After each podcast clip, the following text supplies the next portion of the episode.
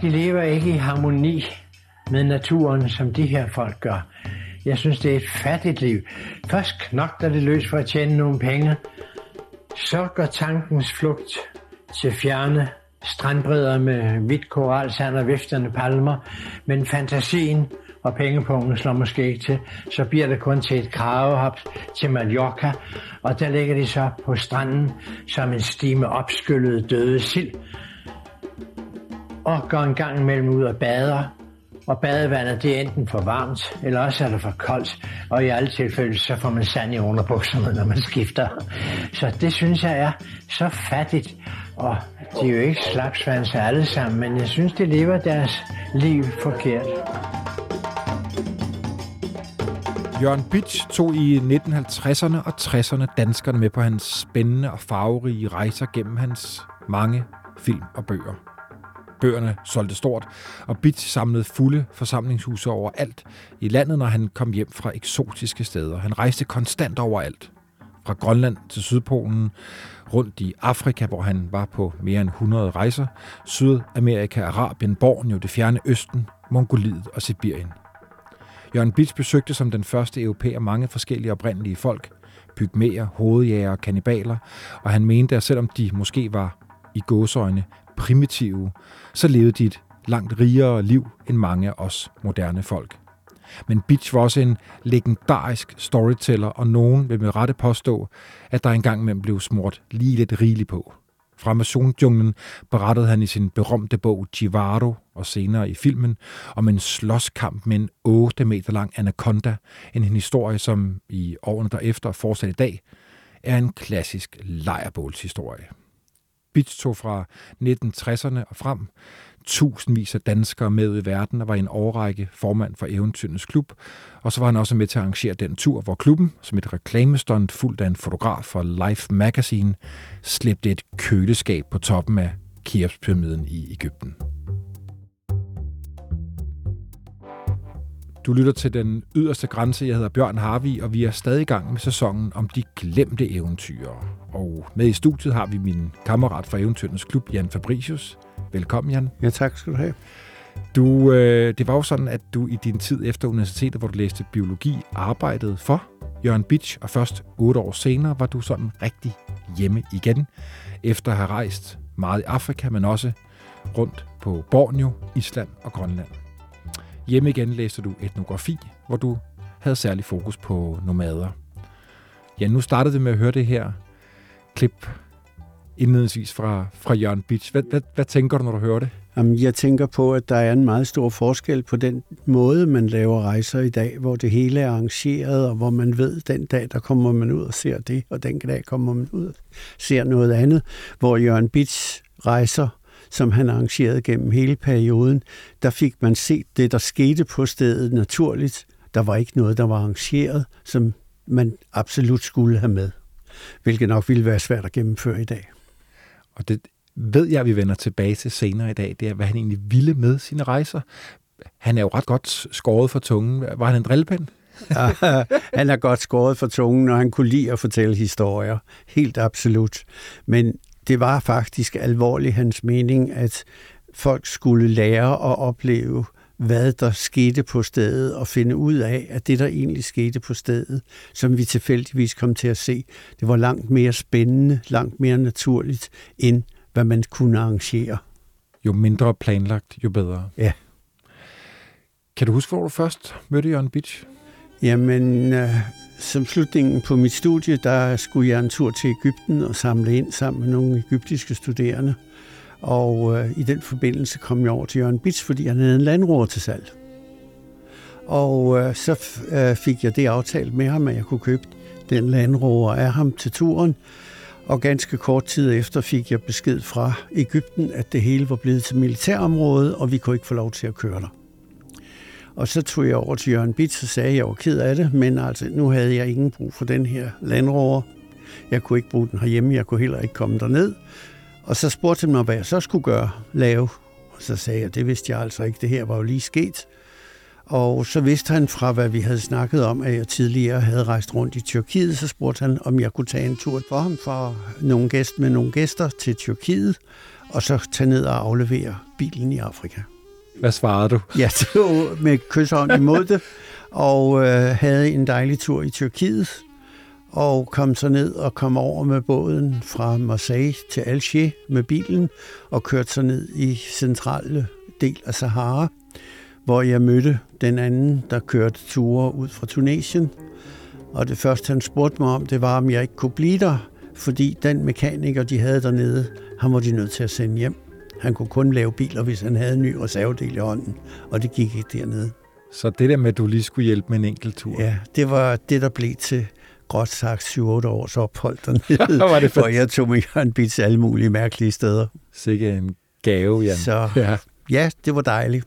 Hvad, hvad, hvad kendte du til ham dengang, da du så første gang hørte om, at han havde en Range Rover til salg? Jamen, jeg kendte ham jo fra, at han, både hans bøger, som jeg havde læst, men også fra, at han dengang kunne man jo ikke vise spillefilm om søndagen, og der havde han faktisk lejet sig ind i World Cinema, og øh, der kom jeg om søndagen og hørte ham fortælle om Afrika og se filmene fra det sorte Afrika med tallerken, folket, der dansede og, øh, eller for den sags skyld øh, Jivaro med indianerne derovre, der dansede. Det var, det var nogle meget fantastiske ting.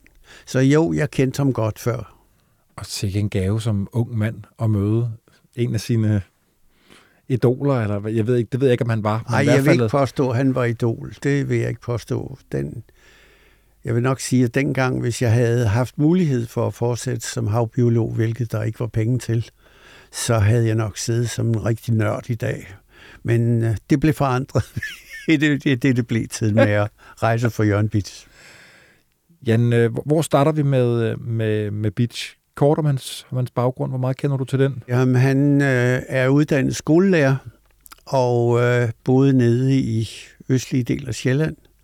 Og der under 2. verdenskrig, der kørte han res på en Nimbus med sidevogn hvor han havde en meget god mekaniker, der hed Wolfram.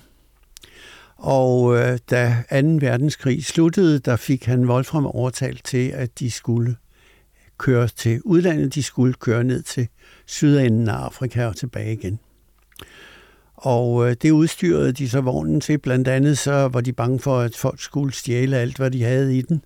Så de fik fat i en af de her bokse, der sendte øh, elektriske stød ud i et kohegn, og det fik de monteret på Nej. deres motorcykel, sådan så hvis der var nogen, der rørte ved den, mens de var væk, så fik de et ordentligt rap nælderen. Og så glemte at tage den fra, og så fik de det selv. Ja, det kunne sikkert ske også, ja. Okay.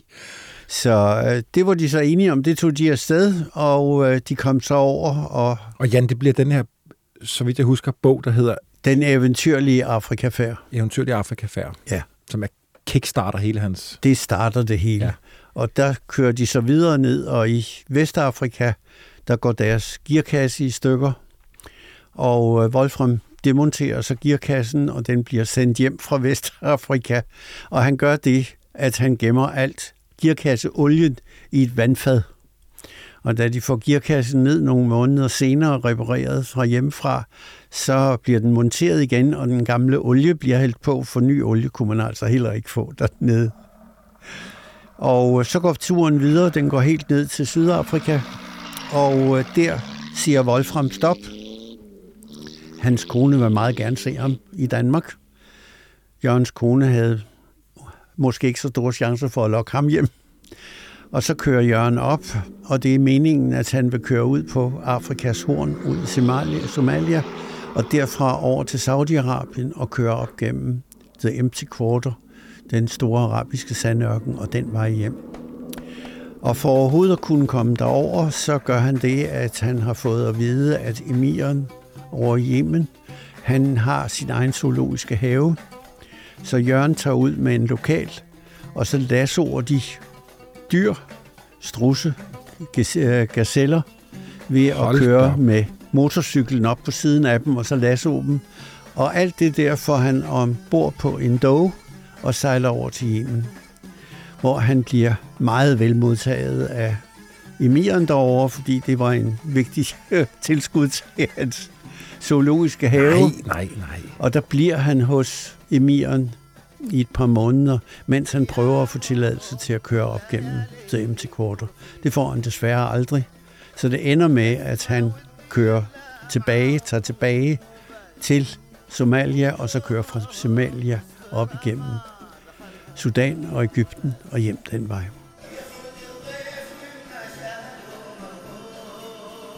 Hold nu op en tur. Ja. og det bliver hans... Det, bliver hans, øh, hans det øh, er introduktionen, som gør, at han har nogle steder at starte, både med at få lavet film og have et grundlag for at skrive de bøger, han skriver senere. Og hvornår? Det er lige efter krigen, det her på et tidspunkt? Ja, jeg mener, at det er i 47, men jeg er ikke helt sikker. Jan, vi, vi skylder lige uh, lytteren at sige, at bordet er jo helt fyldt med øh, smukke og fantastiske Jørgen Bitsch-bøger, som jeg har været på jagt efter i diverse københavnske antikvariater. Ja, og der har du bag Arabiens slør. Bag Arabiens slør, som jo er Yemen-bogen. Som er Yemen-bogen. Og den er så han... derfra, ja, hvornår bogen fra? Nå, men det er i hvert fald en rejse fra slut 40'erne. Ja. ja, der sker jo det, at han bor hos emiren, og der lærer han emirens døtre at kende. Og fotografiet, der er på forsiden af bogen, det er en af emirens døtre. Og Jørgen Bitz kom i uvær og kunne ikke komme tilbage dernede, fordi hun var ikke tilsløret nok efter deres målstok. Med det resultat, at de var meget utilfredse med, at han havde vist et billede af Emirens datter. Meget smuk kvinde. Hvad kan vi se Absolut. af hans ansigt? Vi kan, vi kan se det øverste af næsen og lige over øjenbrynen og øjnene og meget, ikke meget mere. Men det var nok til, at der blev ballade. Meget smuk kvinde med sådan mørke, dragende øjne. Og så lægger jeg jo mærke til hendes hånd, der holder sløret. Der er jo neglelagt på. Ja. Men det er noget, du ser, når du kommer hjem hos familier i den arabiske verden, at kvinderne kan være så tilsløret, som de har lyst til, eller som de skal være, når de går på gaden. Men inden for husets fire vægge, der ser man meget ofte, at sløret bliver lagt, og hele det ydre sorte klædedragt, det kommer af, og så kan det være det sidste nye skrig fra Paris. En, en god blanding af det hele. Det er en god blanding af det hele. Hvad, hvad ved du om, om Yemen-turen? Jeg ved, at han har forsøgt at køre øh, ind i The Empty Quarter fra Yemen, men at han ikke kunne få tilladelse fra de arabiske myndigheder.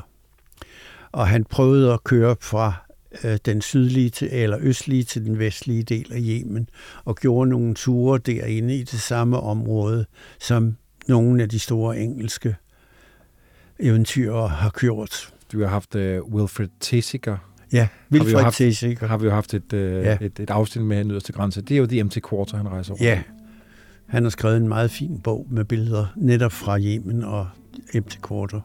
Jørgen Bitsch bliver jo ved med at rejse ud, og der er masser ja, af, af, og af det ting. han får ud af at tage tilbage til Yemen og tage de her billeder og film, som det drejer sig om, det er, at han, når han kommer hjem, begynder at holde foredrag og vise film. Og i nogen grad er det foredrag, der foregår i stor, der er de senere film, men i begyndelsen er det bare foredrags øh, forsamlingshuse og steder, hvor han kan vise film, hvor han holder foredrag samtidig med, at filmen kører. Og det gør, at han får de penge, der er nødvendige. Ja, dem tjener han i løbet af sommeren, til at han næste vinter kan tage afsted et andet sted hen og tage ny film og få nyt materiale til at skrive bøger. Har vi nogen anelse om, hvad folk sidder og tænker, når de sidder der i forsamlingshusene? Jeg tror, de i meget høj grad har troet, at han var tosset. Hvis han er så skarp en tunge, som det første lydklip, vi hørte Jamen, det der, så... har han virkelig altid haft. Og øh, han er stødt ind i nogle gange, at han er kommet ind i en kristelig menighed i det vestlige øh, Jylland eller andre steder, og der har han stødt nogle af deltagerne kraftigt på manchetterne. Så har vi en øh, Etiopien-rejse. Ja, et af de steder, han havde besøgt, da han tog hjem i før fra den første rejse, det var jo Etiopien på vejen op. Og der havde han stødt på tallerkenfolket, altså de sorte, der bruger det at lave en stor øh, lærtallerken som de sætter ind, laver et hul i underlæben, og så sætter de den ind der, sådan så de får sådan hængende en stor blade, og det samme gør de i ørerne. Og hvorfor gør de det her? Det er fordi kvinderne, det er kun kvinderne, de synes, de er smukke med det, og det synes mændene også. Man kan vente sig til meget. Okay, så det er simpelthen... Sådan er det bare. Ja.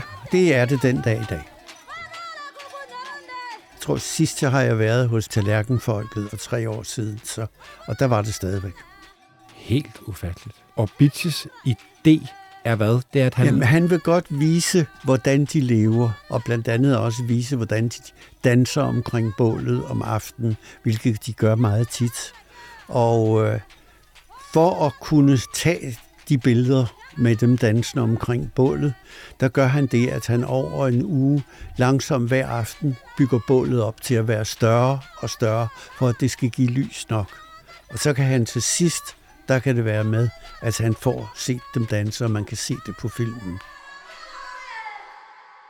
Hvad, hvad kunne han? Hvad kunne Bitch i forhold til også at få skabt den her tillid til de her mennesker, og, og ligesom kunne træde i folk med træsko? Jeg spurgte engang Bitch, hvor vi kørte gennem Sahara, om han aldrig nogensinde havde våben med, når han kom netop til de her steder, der var urolige og alt muligt andet. Så sagde jeg nej. Han havde aldrig haft våben med. Når han kom til et sted, og hvor han synes, at de mærkedes lidt mærkelige, og de, man mærkedes måske ikke så velkommen, jamen så kørte han det sammen. Så blev han der ikke. Fordi, som han sagde, hvis man har våben, så har man tilbøjelighed, mere tilbøjelighed til at konfrontere dem, man kommer til. Og det var han, generelt hans indstilling, at han skulle passe sammen med det, der var der. Han skulle ikke være den fremmede, der viste dem, hvordan de skulle være. Men de skulle være ham, lære ham, hvordan man levede det sted. Ja, jeg har jo aldrig, eller næsten aldrig, våben med mig. Og for det andet, så lærer jeg så meget jeg kan, når jeg møder disse folk. Og jeg tror ikke, at man skyder en mand med bue og pil, som står og lærer en ind i ansigtet.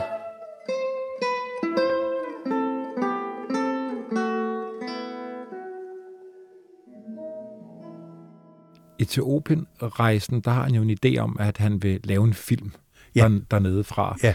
Er han på det her tidspunkt blevet et, et navn i Danmark? Der er det begyndt, ja. Der er øh, Mørk Ekstase, som filmen og bogen hed, den mener jeg kom ind i den store foredragssal og film i World Cinema i København, og han gik der næsten en måned, hvor den kørte for fulde hus hver dag. Det er en bog, der kommer i... Jeg tror, bogen kommer i 65, har jeg skrevet mine noter her. Ja, det kan hvornår, godt passe. Hvornår rejsen var, den var jo nogle Nå, år før. Nogle år før, ja. Hvad, hvad, hvad tror du, han fandt hos de her oprindelige folk og de oprindelige kulturer? Jamen, han fandt nok en tilpasning til det lokale, øh, den lokale natur. En, en øko, det vi i dag vil kalde en økologisk samhørighed med det lokale, der gjorde, at den måde, de levede på, kunne fortsætte på det sted i lang tid, fordi det blev hele tiden genopbygget. Og det er jo noget, man ikke ser så meget af, når europæerne ellers kommer ud i et område og slår sig ned. Er, er han også opvokset i en tid, hvor han har fået fortalt, at vi som moderne mennesker, også vesteuropæere, ved bedre og, og, og, og har det bedre og, og så videre. Det var jo den generelle indstilling, at de folk i Afrika, de, når man snakkede i skolerne, de var primitive, og de gik uden tøj på, og alle de her klichéer, som man klæbede op på dem, uden egentlig at vise noget bedre. En anden klubkammerat, som du har kendt formentlig bedre end jeg har. Jeg har jo lært at kende ham i, i, i, de, øh, i de senere år af hans liv. Jens Bjerre, som Ja, jo også har været øh, han er en af dem, der også har været... rigtig gode ven. Ja. Øh, Jens Bjerre satte jo meget fint øh, ord på det her med, at han faktisk følte sig mere hjemme hos de oprindelige folk, end han gjorde i Danmark. Ja. Han havde jo mange af sine rejser til Sydøstasien, til Bhutan og de lande der i Himalaya. Jeg har lidt en fornemmelse af, at det samme gælder Jørgen Bitch. Jørgen Bitsch havde det bedre der. Det var helt sikkert. Han, øh, jeg var over hos ham flere gange, efter han var holdt op med at, ved de rejser, og øh, hvor han spurgte, om jeg ikke ville tage ham med ned til Sahara, vi kunne køre sammen derned. Men det var hans kone ikke så begejstret for tanken om. Så han havde det måske lidt svært med at komme hjem. Han havde det lidt svært med at komme hjem. Han syntes ikke, det var så spændende. Han ville gerne ned og opleve det. Og jeg tror nok egentlig helt grundlæggende, at han kunne tænke sig at have endt sit liv i Sahara. Fordi det var der, hvor han følte sig rigtig hjemme. Jan, 1966. Jørgen starter sit eget rejsbyrå. Ja, cirka. 66. Det er det, jeg har skrevet nogen, ja, ja. men det, det er der omkring midt-60'erne. Ja.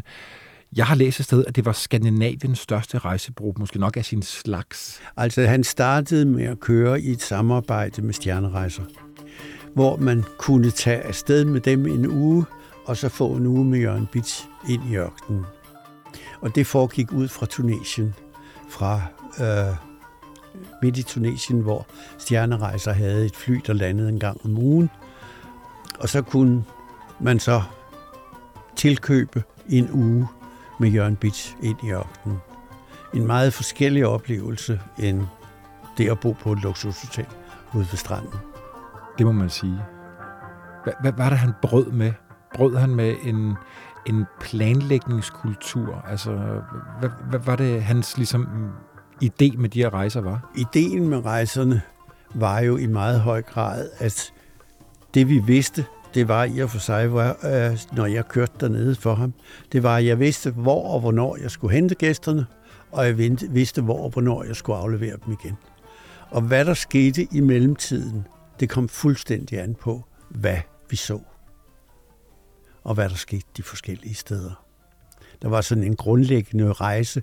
Vi kørte øh, fra kysten derude i Tunesien ind igennem over den store saltsø og videre ind i Algeriet og fik set nogle af byerne, oasebyerne, der lå med fuldstændig indeklemt af de store sanddyner rundt omkring.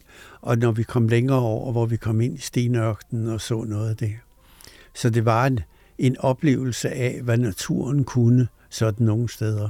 Og det var så, vil så også sige, at vi i nogen grad var nødt til simpelthen at bo i telte med en sovepose og en luftmadras. Og uden alt for meget var planlagt. Det var det, man kunne håbe på, at man kunne gøre i dag, ikke? Ja. Altså, altså der var ikke noget... Jo, der var planlagt, hvor vi cirka skulle hen, hvor vi vidste, der var en chance for, at der skete noget. Men der var ikke planlagt noget på stedet. Det vi så, det var virkelig det naturlige liv på stedet. Jan, fortæl om jeres øh, fælles første store tur der i Sahara. Ja, det kom som lidt af en overraskelse for mig, at han pludselig fik sat sig i kontakt med, ham, med mig og spurgte, om jeg kunne køre en tur til Sahara, hvor jeg skulle møde ham nede i Tamanrasset. Det er den sidste af de større byer i Algeriet sydpå. Og øh, det sagde jeg selvfølgelig ja til, og startede med landroveren derop fra Tunesien, hvor jeg var på det tidspunkt. Og den første del af turen, den gik fint, men da vi kom ned på pisterne, hvor der var masser af sten, så ved jeg ikke, hvad der gik galt, men jeg punkterede den ene gang efter den anden og fik ribbet dækkene i stykker. Så slut på det var faktisk, at vi tog et ekstra dæk, vi havde, og skrev, skar, skar i stykker og lagde indvendigt i dækket, og så den flænge, der var udvendigt i dækket, den syede vi sammen med stoltråd.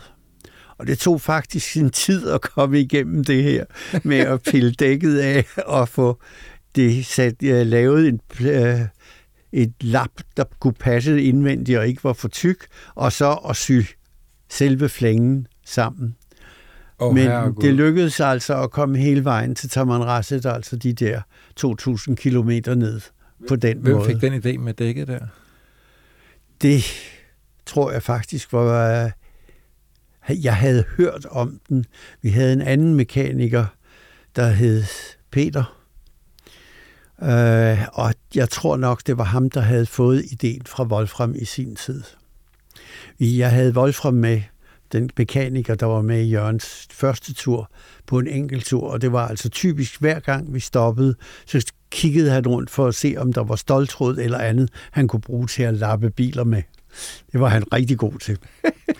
Men øh, vi nåede derned, og øh, på vejen derned, der kommer man over et sted, der hedder Plateau de Tademait. Et fuldstændig fladt plateau med små sten og masser af sort støv. Øh, det sorte støv, det er jern, men øh, det er brændt af, af solen, og det støver som i noget. Og midtvejs over denne her tur over Plateau de Tatemate, der kørte vi forbi cyklist. Og vi kiggede en gang, og så tænkte jeg, jamen vi må finde ud af, hvad det her er for noget. Men jeg vidste, at cirka 3 km frem, der skulle vi ned ad plateauet. Altså en, en udlænding på cykel? Ja, vi kendte ikke noget til ham. En eller anden. Men med bagage? Og... Med bagage på. Mindre bagage. Ikke så meget faktisk bagage. Øj, det er en af de seje gutter. Du. Det er en af de seje gutter. Og øh, så vidste jeg jo altså, lige når vi kørte ned ad plateauet, der lå der et lille hus, hvor man kunne købe en kop kaffe. Så jeg sagde til dem i bilen, mine gæster, vi kører lige ned her, og så stopper vi der. Der stopper han sikkert også, og så kan vi få en kop kaffe sammen med ham. Så vi kørte der ned, og vi fik vores kaffe, og vi sad udenfor på nogle små vakkelvorne stole, og så kom cyklisten og kørte ned fra plateauet, og han kørte lige forbi os videre. Men øh, jeg mødte ham igen i en halvanden måned senere, hvor jeg igen var nede i Tabanrasset, og der var han altså, havde han det ikke så godt. Der gik han og snakkede om, at musene overfaldt ham om natten, og han nåede aldrig længere end til Tabanrasset. Hvem var han? Han var en hollænder, der havde fundet ud af, at han var startet med at køre op til Nordkap, fordi han ville have hele turen fra Nordkap og ned til Kap det Gode Håb. Men han nåede ikke. Der er senere andre, der er nået hele turen. Så vidt jeg husker, en dag en fra vores klub. Ja, altså, I Eventyrens Klub. Jo, men altså Ulrik Rue, som vi jo kender begge to, ja. har jo i hvert fald cyklet dele af turen, ikke hele vejen op øh, fra, fra Norge til Sydafrika, men, men igennem øh, Sahara. Ja. ja. Så der er nogen, der har gennemført turen. Og så var vi heldige også et sted, hvor vi fandt et sted, hvor der var nogle turerer, altså nomaderne dernede fra, der havde slået sig ned, og hvor der sad en og øh, kværnede mel og det er jo altså sådan to flade sten, og hvor den øverste sten, de begge sten har en hul midt i, og der sidder en træpind igennem, og så sidder der et hul ude i kanten af den store sten. Hver sten vejer vel sådan 10-15 kilo, og så sidder man og drejer den øverste sten rundt oven på den anden, og kommer kornet ned i midterhullet, og så på den måde, så får man altså det helt kværnet. Og der kan vi så sidde og drikke myntete sammen med dem. Hvad sagde de, når I kom kørende der? Det er jo lidt to, to forskellige verdener, der mødes. Det er to meget forskellige verdener, der mødes, men på sin måde var vi også nomader i deres øjne. Vi skulle videre. Så jeg har været ude for mange sjove ting. Den værste, jeg har været ude for, det var en, der spurgte. Uh, han havde rejst fra sit lille sted, hvor han boede med sin kone og børn, ind til Tamanrasset, og det var, han var blevet sølvsmed og sad og lavede sølvarbejde, og spurgte, om jeg kunne tage en gryde med ud til hans kone. Fordi jeg skulle den vej, og så fortalte han mig, hvor det var. Og så tænkte jeg, den er mægtig, vi kommer til konen, så kunne hun vel gøre noget. Så jeg gik med ham i byen, og så købte han en gryde.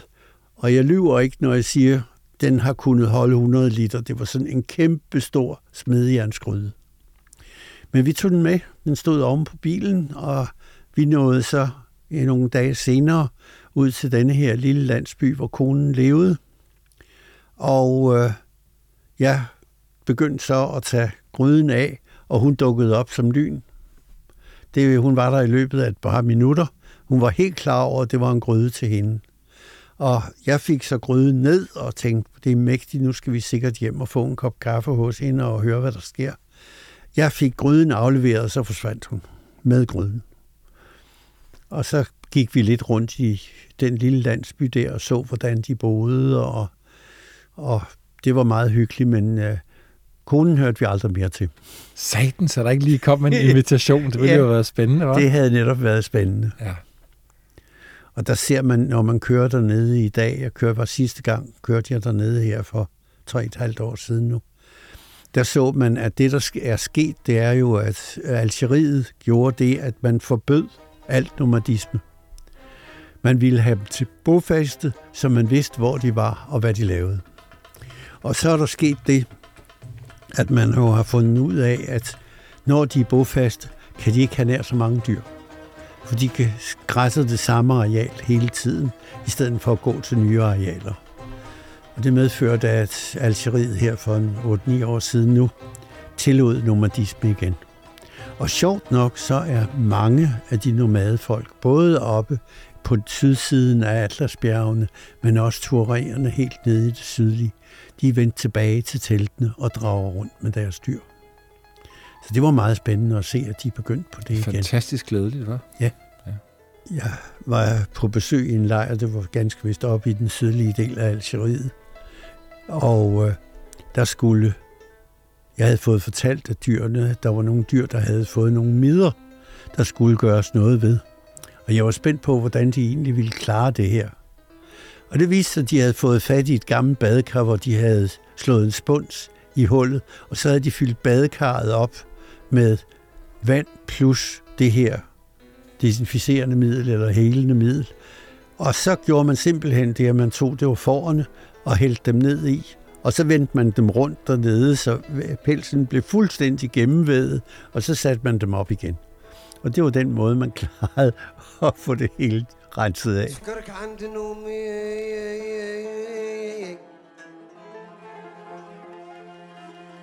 ويغيب عني نعاسي نعاسي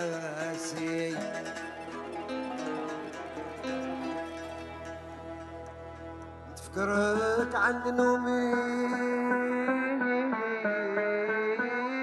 Så bliver det 1969, og du får arbejde for Jørgen Bitch. Ja.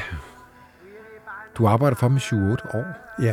Du startede indledningsvis med at sige, at du, du blev lidt fanget. På, nu mener jeg det kun Jamen, positivt. Det du røg den der Tyrkiet-rejse. Jeg blev fanget fra Tyrkiet-rejsen, og, og selvfølgelig også, fordi jeg havde fået at vide på det tidspunkt af min professor i marinbiologi, at han kunne skaffe mig penge til et års videnskabeligt arbejde, og derefter skulle jeg være skolelærer, for der var ingen andre job at få. Og jeg var ikke særlig interesseret i at komme hjem og være skolelærer. Og når der så kom nogen og spurgte, om jeg kunne tillade mig, eller ville var interesseret i at rejse på den måde, så ja, så var jeg lykkelig for at tage det. Har du talt på, hvor mange rejser du har haft med Beach? Altså... At nogen har været for ham, og andre har været med ham? Ja, altså... Jeg har vel kørt en, en 10 rejser med ham, og jeg må da have kørt over 50 rejser i alt for ham. Så når du sidder og tænker tilbage på jeres enten fælles rejser, eller også rejser, du har haft for ham, hvad, hvad står klarest i dag? Åh, oh, de klareste, det er sådan noget af en blandet omgang. Det går fra at sejle rundt mellem isbjerge på Grønland til at ligge ude mellem de store sanddyner og se, hvordan sandet fyrer henover og, og være en fantastisk følelse af at vide, at lige det sted, hvor man sidder her, der er der de mennesker, der er omkring mig, som vi har med ud, og så er der ellers 600 km i alle retninger, før der er andre mennesker og nogen som helst ting. Ellers er det bare øde. Og sidde der om aftenen, når lejrbålet er ved at slå, blive mindre, og så stille kunne høre sandet, der flytter sig rundt omkring. Det er en helt fantastisk følelse. Og så tænker jeg, nu når du siger lejrbål, ikke? så har I jo formentlig, vil jeg i hvert fald have gjort, Jan, hver aften tænkt, når vi nu får slået lejr og får sat det her tændt lejrbålet, så kan Jørgen fortælle historier. Ja, altså det første, der skete, når vi kom til en lejr, det var jo, at vi udleverede selter og soveposer og det andet, som folk selv sørgede for. Jeg gik i gang med at lave mad, og Jørgen gik rundt og drak sig en lille en. Og så når lejrbålet var færdigt, og vi sad omkring lejrbålet, ja, så blev det jo meget ofte til, at der blev fortalt historier af forskellige arter. Fortalte han der nogensinde den der Anaconda-historie? Ja, den blev jo meget berømt. Ja, den blev meget berømt. Der var mange, der tvivlede på, at det var sket overhovedet. Det, det forstår jeg. at Anacondaen var der, det er der jo ingen tvivl om, fordi det viser både film og billeder. Men han fortalte, at han havde fundet en lille indsø, der ikke var så dyb, hvor der en, han havde fået at vide, at der indimellem kom nogle mindre anacondaer, sådan en 3-4 meter størrelse. Og det mente han godt, han kunne klare. Og han havde så fået en af de lokale, havde han oplært i, hvordan man skulle bruge filmkameraet. Og så havde han fået at vide, at lige meget hvad der skete, så sørgede han for at filme. Og så kom den dag, hvor de så hovedet af en anaconda ligter, og Jørgen Bits gik ud og kastede sig over den, greb den bag hovedet. Det er det sikreste sted med sådan en. Og så viste det sig jo altså pludselig, at den var væsentligt større, end Jørgen i sine vildeste fantasier havde drømt om.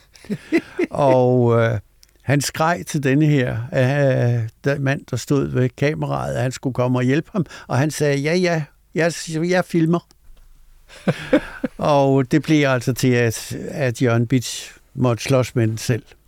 Der er jo til alt held det gode ved det, at, at slangerne de kæmper og kæmper vildt, men de bliver også ret hurtigt trætte. Vi har jo slået op i hans bog, Givaro, der ligger her. Hans berømte bog, som jo har solgt, altså på det her tidspunkt, da den bliver genoptrykt, den bog, jeg har fra 63, har solgt 22.000 eksemplarer. Ja.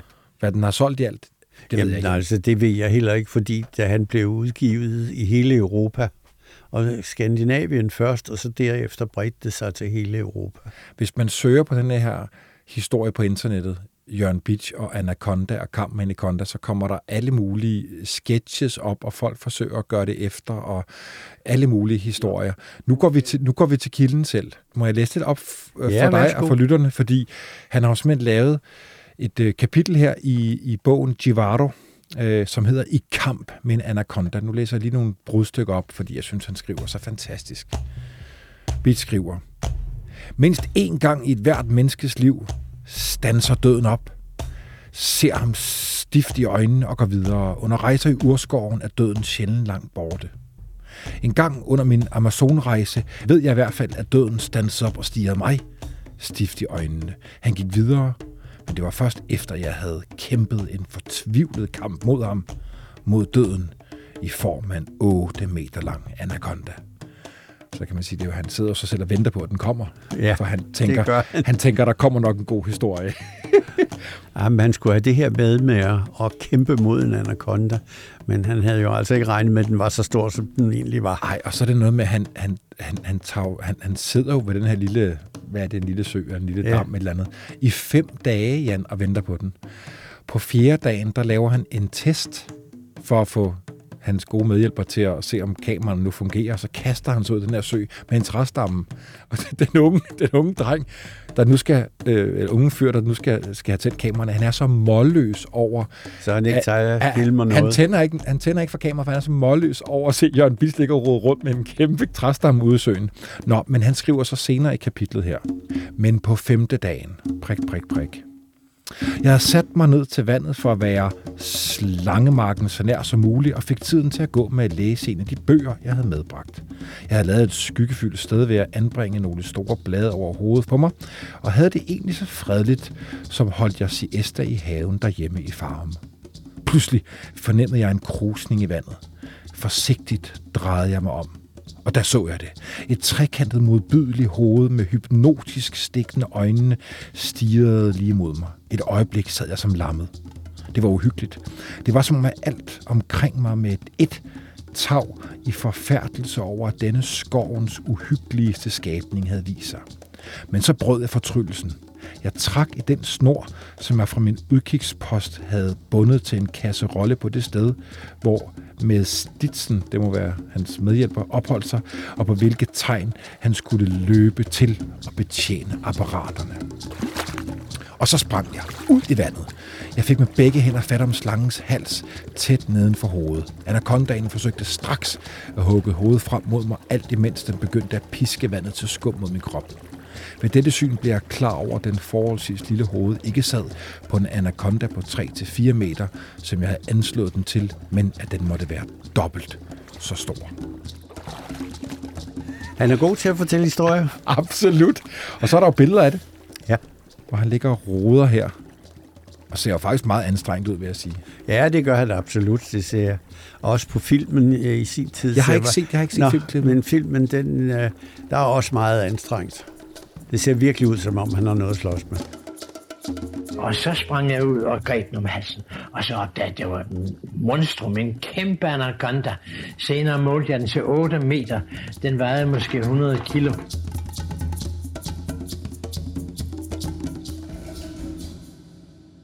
Den gode Peter Freugen havde det her ordsprog, der hed, lad ikke sandheden stå i vejen for den gode historie. Og det har Jørgen heller aldrig gjort. heldigvis. Ja, jo, men heldigvis, for der, jo, der, der skal jo gerne være en græn af sandhed i en god historie. Ja, ja, der skal være noget så, at bygge på. Så da Anaconda-historien kommer, tænker folk, det der det er bare ren løgn, eller hvad, hvad har folk tænkt dengang?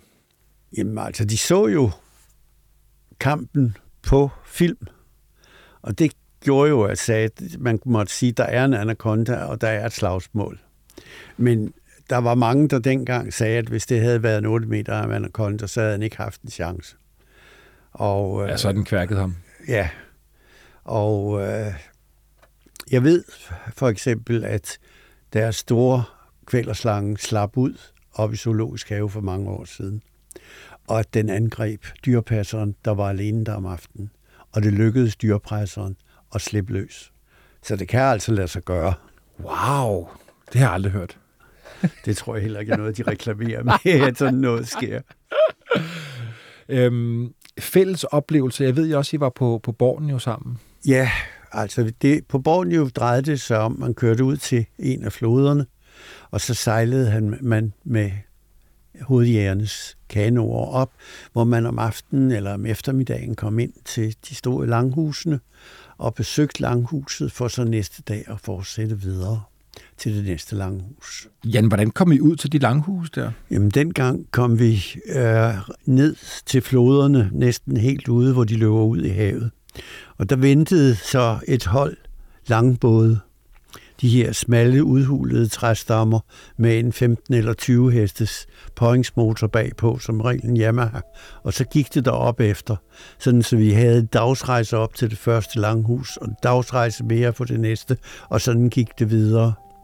Og den høvdingsøn, der længe senere kom en tur til Danmark og besøgte os, han boede i det femte langhus.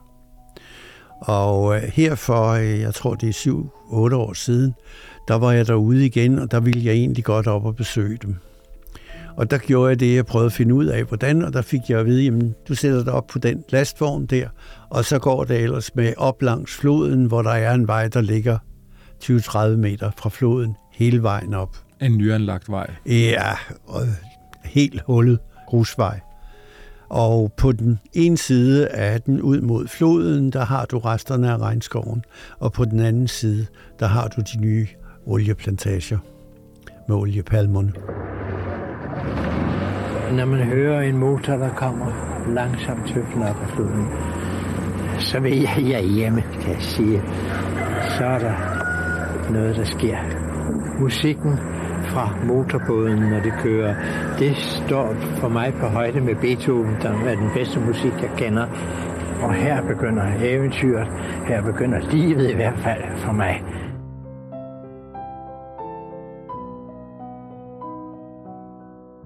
Hvordan fik I kontakt til dem? Hvordan fik ja, man lavet første gang, det, det var egentlig bare, at man prøvede. Og så havde man inde fra hovedbyen sørget for, at der var en med, der kunne snakke sproget. Og øh, det blev sådan, så vi var gode venner med dem derude. De øh, var glade, ved, når vi kom. De dansede. Det er meget typisk for langhusen, at hvis der virkelig kommer en, som man synes er beæret over kommer, jamen, så danser man for dem. Og det gjorde de. Og faktisk er det sådan, så høvdingen, sønnen fra det ene af langhusene, blev inviteret herop og kom herop og var på besøg hvor omkring, rundt omkring. Og jeg kan huske, jeg havde ham på besøg en dag kun til frokost. Og så da han skulle til at gå, så kom han med et glas, og der havde han friske peber i fra hans egen have. Ej, hvor er det smukt. Så, Men også fint, at der var den der kulturudveksling, ja. så det ikke bare var jer, der kom ned og så, men det også gik den anden vej. Ja. Christoffer, min øh, gode producent og lydmand, han, ja. øh, han sagde lige inden vi gik i gang, at han havde læst om Jørgen Bitsch, at, at han øh, engang blandede blod med en høvding. Og jeg tænkte, det måske var en eller anden måde at, at gøre sig gode venner med de her mennesker, eller måske også opbygge noget tillid til dem. Altså, der er for flere af de, man kalder primitive stammer, en måde at gøre sig bedre være mere en del af det, så man kan blande blod, men hvor han har gjort det, det kender jeg ikke noget til. Vi blandede blod, og så var jeg blodbruder med hovedjægerne, og det var praktisk af flere grunde. For det første fik jeg en høvdingsværdighed, og når jeg blev modtaget, så blev der sat alle ceremonier til. Så kommer de på en lang række og byder os velkommen.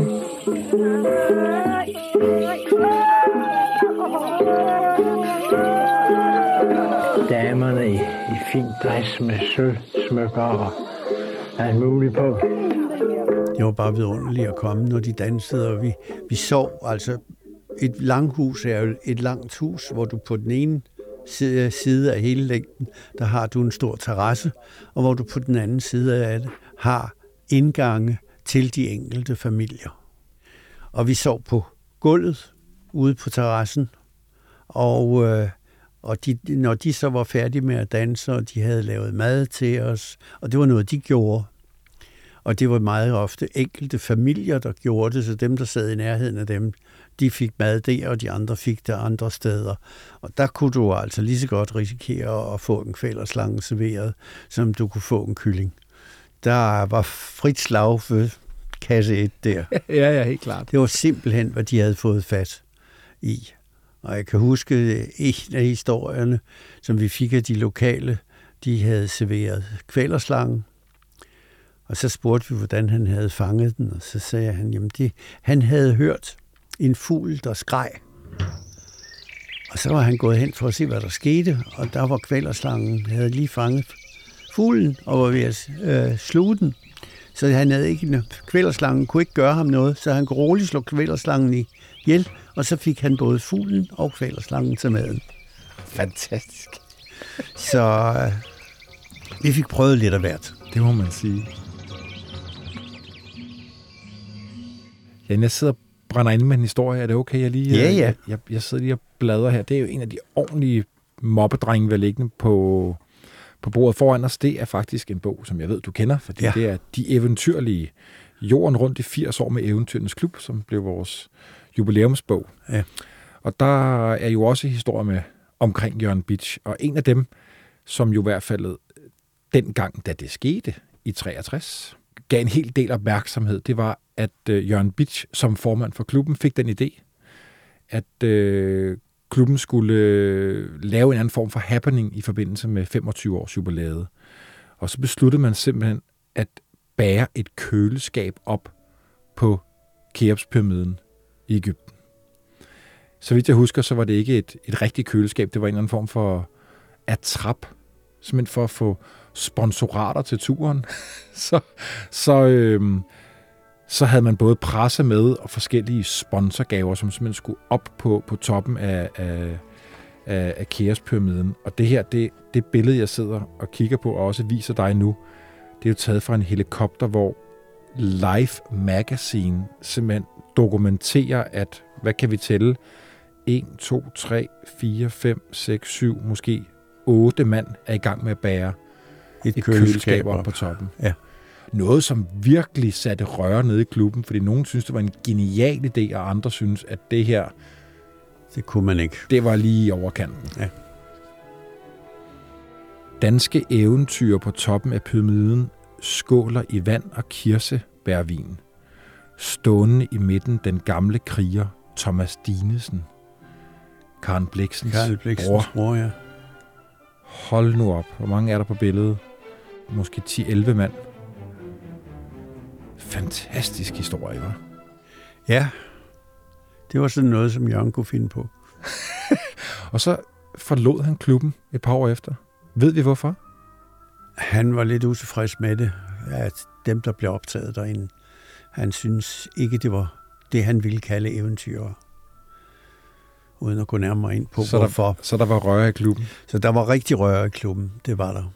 Så han holdt op på det tidspunkt, og jeg spurgte ham i de senere år, om han ikke var interesseret i at komme en tur derind og, og hilse på. Og, øh, og det ville han altså ikke. Det var, han, det var overstået, det, det kapitel i hans liv. Hvor lang tid havde du kontakt med ham? Så æbbede det ud, de der rejser? Du... Lige til en stød. Okay. Jeg kom der med jævne mellemrum over på Clausholm, over på Knebel, Over på Djursland, over på Djursland, på dråben, på næsen. På der havde han en hvad? Der havde han en Der bonde. havde han en gård ved et stort jordtilliggende, der gik ned til vandet til Æbeltoft Vig. Og, øh, og der var han det meste af tiden. Hvordan var han som gammel mand? Jamen, det var stadigvæk et spørgsmål om at fortælle historier, når jeg var derovre, og også fortælle, hvor jeg havde været i mellemtiden, og hvad han kunne huske fra de områder, for meget ofte havde han jo været det, før jeg havde været der nogensinde. Hvad skete der med hans rejsbyrå? I rejsebyrået, der gjorde han det, at han prøvede at få en til at overtage det, til at køre det videre. Og øh, det var en svensker, tidligere militærmand, og det gik ikke så godt. Efter han overtog det, der kørte det i halvanden år.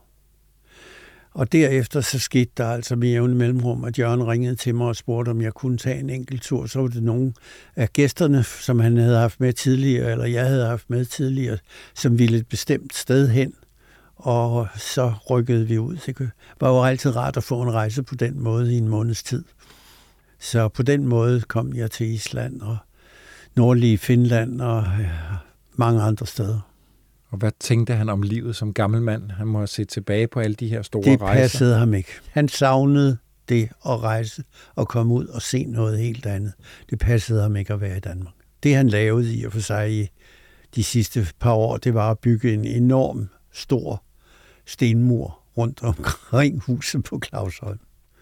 Og det var sådan med at flytte stenen, der vejede sådan halvanden hundrede kilo, og fik dem bukseret derop lidt ad gangen. Står det der stadig i dag? Ja, det står. Det har jeg ikke været der i lange tider, så, men jeg tror ikke, der er nogen, der er gået i gang med at fjerne det der, han lavede dengang. Og det er hans øh, børn, der har overtaget det, så vidt Det er børnene, der har overtaget det. Huset ude i Farum er blevet solgt.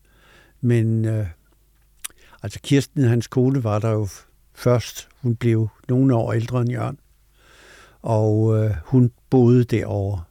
Undtagen med sådan enkelte ture til Farum, og det blev brugt for lidt. Og da børnene så skulle overtage det hele, så blev det solgt. Så man kunne gøre det op. Men de bliver altså enige om, at hu- huset på Knebel, Clausholm, det skulle de bevare, sådan, så de kunne tage på ferie der. Så det står der gudskelov stadigvæk. Det står der stadigvæk. Og, og Jan, det gør her afslutningsvis jo, vil jeg sige, alle hans bøger er stadigvæk derude. Gudskelov, de er stadig til at finde. Jeg har været på jagt, og øh, filmene ligger også på det Danske Filminstitut. Der ligger i hvert fald en fem af dem, så jeg forleden. Så øh, jeg har bare været så utrolig glad for, at du var med i dag, og vi fik øh, vagt øh, Jørgen Bits til live igen. Ja, men det synes jeg, han fortjener. Tak for, at du var med. Selv tak. Ja, jeg har jo haft nogle omkostninger, men jeg synes, det var det værd, og jeg bygget luftkasteller, men jeg vil gerne realisere mine luftkasteller. Og jeg er meget barnlig. Jeg er som en hund efter et kødben, så er jeg ude på udfordringer.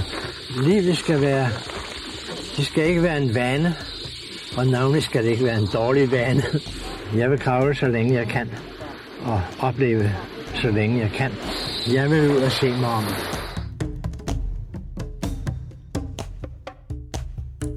Den yderste grænse er produceret af Bjørn Harvey og Christoffer Erbo Roland Poulsen fra 24 og Vores Tid. Redaktør er Rikke Karoline Carlsen. Tak til Vagnbjerg Christensen, Jens Christian Overgaard og Alex Frank Larsen for sparring og hjælp til at finde kilder og billeder. En særlig tak til Geos, Danmarks Radio og Bent Nielsen og Arktisk Institut. Du kan finde flere podcasts om historie ved at søge på Vores Tid i din podcast-app.